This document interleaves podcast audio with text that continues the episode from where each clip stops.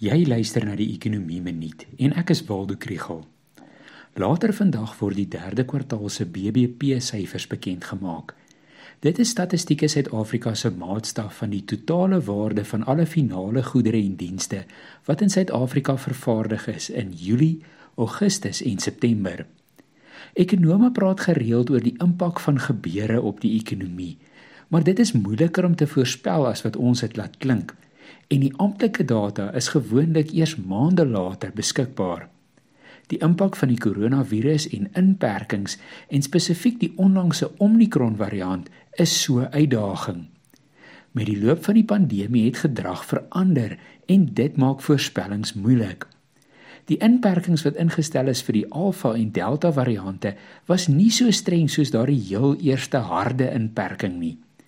Terselfdertyd het die ekonomie leer werk onder inperkings. Tegnologie help dat die mense wat wel van die huis af kan werk, meer effektief werk.